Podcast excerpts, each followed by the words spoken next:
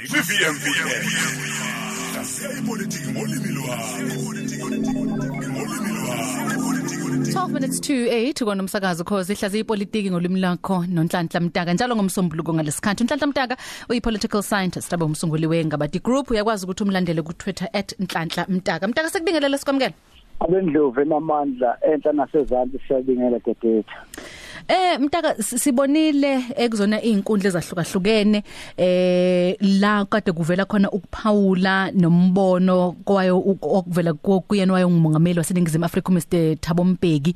Eh ngodaba lomhlaba sabona nabanye ke abahlaziya ipolitiki bephawula nabo einkundleni ngeendlela ezahlukahlukene. Kusukapi kuthini kwenzakaleni? Asiqale sikwamukele dadewethu ukuthi umnomzane uThabo Mbeki uyilungu lenhlangano yakhe unelungelo lokukhuluma izindaba ezithinta inhlangano yakhe. Engikushilo lokho naye futhi kufuneka kwamukele umnomzana Mbeki ukuthi abantu baseningizimu Afrika abakwazi ukuba yithutha bonke.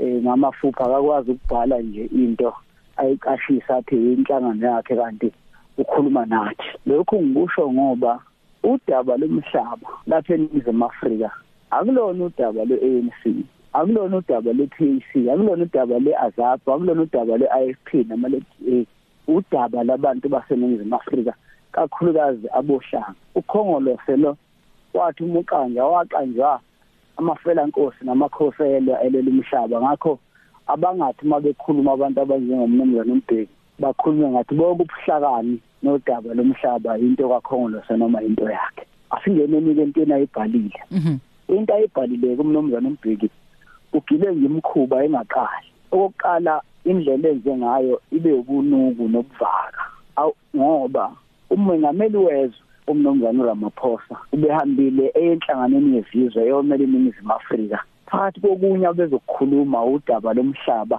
oluthinta amazwe angaphandle ngoba yiwona buyatshala imali eningizimu Afrika. Ukuthi ke kuthi ngaleli langa ummengameli wezwe eyokhuluma nabantu bomhlaba bese wayemengameli owahluleka ngesikhathi sakhe ukulungisa udaba lomhlaba. Bese qhamuka nesethulo wabhala into ayiphutshuzela abe indaba yena bese ethi iphutshukile into egxeka umengameli lo wezwe nomengameli weqembu lakhe ibe ubuvaka leyo nto itshengise ukuthi umnomzana umbheki uyathanda ukubukwa uyathanda ukuvela njengomuntu owehlukile. Yini enza athande lokhu na?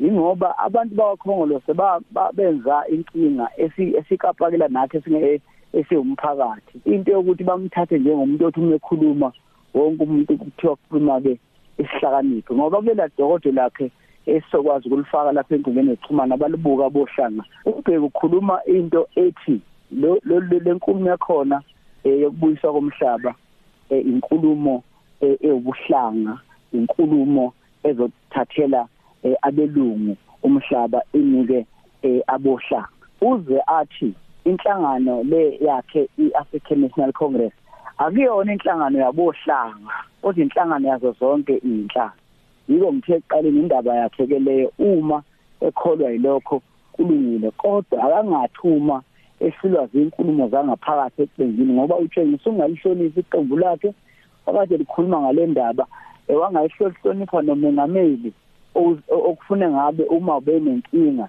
ayeqenjini lakhe athi cha nanku umbono abukho ubufakazi bokuthi ube waya ebranchini yakhe wayoxoxa ukuthi hayi mina njengombheki ngibona kanje. Akukho ubufakazi bokuthi uke wakhuluma nomengameli wathi yena ubona kanje. Lokho ukuthi bese ekhipha idokodo athi ulikhipha njengomnumzana umbheki inhlangano yakhe imbheki foundation itshengisa ubuvaka bokuthi akafuni ukuyoncintisana nemicabango nabantu baseningizimu Afrika. Akafuni ukuyoncintisana nemicabango eh nabantu beqembu lakhe ukuze umcabango wakhe phela nawo ukwazi ukufaka esikalini bakhulume ngawo. Kodwa kumqoka kakhulu kuleyidokodo ukuthi umnumzana ubheka likhuluma iqiniso. Kuna kunezinto ayikhulumayo enza engazi ukuthi ezamane zazenzekela isibonelo nje ukhuluma nge nge freedom charter. Athi yona ilona ilona dokodo kufuneke ngabe uma sikhuluma indaba yomhlaba sibuke kulona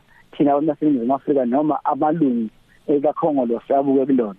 Akasho lutho umnumzana umbheki eh ngomqulu ka1943 mhla kushintshwa i-native congress constitution lena kusuka ukukhumbula ukuthi ANC yaqale ine South African Native Congress. Esishintshe yaba i-African National Congress. Akasho ukuthi yini yenza bashintsha kanjalo laba beshintsha? Yiko ngithi ke umholi ofuna ukukhuluma nathi njengonyasa ngizimu Afrika khuluma iqiniso ngeke akufihle okunye akaba okuzo okungathi mangase akuveze kuphikisane nalento yakhe ayikhulumayo engenza umqondo uma usuyifunde yonke. Okwesibili akakhulumi ngomqulu wayo ANC obizwa ukuthi African Claim ka1943 kade kakhulukazi akakhulumi ngeprogram of action.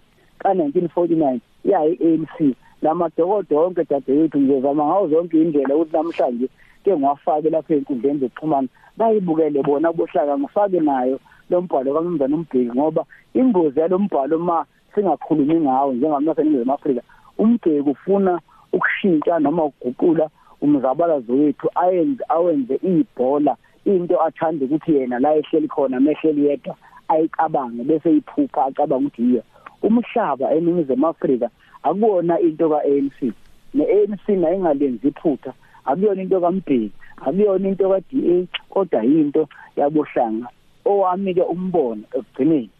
Uthi sesifikile isikhathi ngiyakuphinda lokhu dadewethu uma uzokhumbula sengikusho kwesibili okwesithathu yekho namhlanje. Ingozi abohlanga abangalenza abangayenza bazenzele yona nezizukulwane ukuthi bayekela amaqembu ezepolitiki benze lento emqoka kangaka. Okuthiwa umhlaba kube yinto nje yokukhankasa nento yokuyinweba eh nento yokuveza ukuthi uhlakaniphe kangakanani. Bayeke ukuyithatha bathi hey maqembu ezepolitiki baholi bezepolitiki le ayeluswe yini? Yithi abalikazi bayo. Phakathi kwenu ofuna ukuhamba nathi siyomvotela ofuna ukuhamba nathi siyokhuluma naye kodwa ukuphikisana nathi siyoba ngaphesheya ngoba ingozi yokushiyela lento kumaqembu ezepolitiki uvuka abantu banjengombheki uthi umbheki kuleli phepha lakhe isimangalisi uthi uhulumeni wabohlanga uhlulekile ukulungisa udaba lomhlaba eminyakeni engamashumi amabili. Akasasho umbheki ukuthi wayekuphi yena ngoba umbheki uyena owayephethe lelizwe uMandela kwakukusho nje ukuthi umengameli akaze abe umengameli uMandela wayemuhle nje lapho ehamba esikhulumela kubantu bomhlaba. Kodwa umuntu wayephethe intambo umnomzana umbheki. Ukuthi kakhuluma ukuthi bonke abanye abahlukelelekile angayibali yena esikulenkinga esikuyona.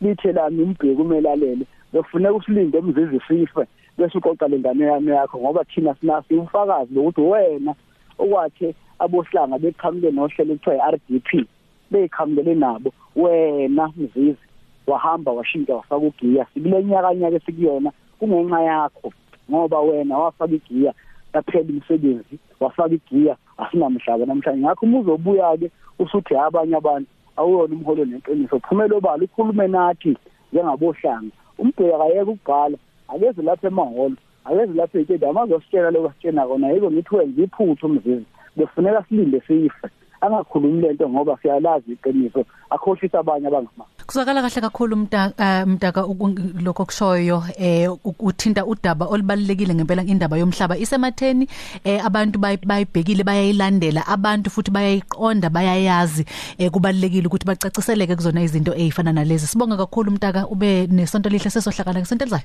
Ngiyabonga kakhulu njengoba ngishilo nje wonke lamadokodo bengiwasho kubandakanya nalombhalo kaMbheki sizowufaka sizame nokukhuluma ngesizulu ngoba ikhona ingozi ikhona into aphezulu kwayo ikhona inkohliso afuna ukuyiphehla ukuze eludaba eh limindeke noma amanzi angabi kahle ngoba yiko ngisasho nje umzizi kufuneka siyeke sife angakhulumi ingane kona sisekhona ngoba siyalazi iqiniso la lento mtaka. Vuka nathi.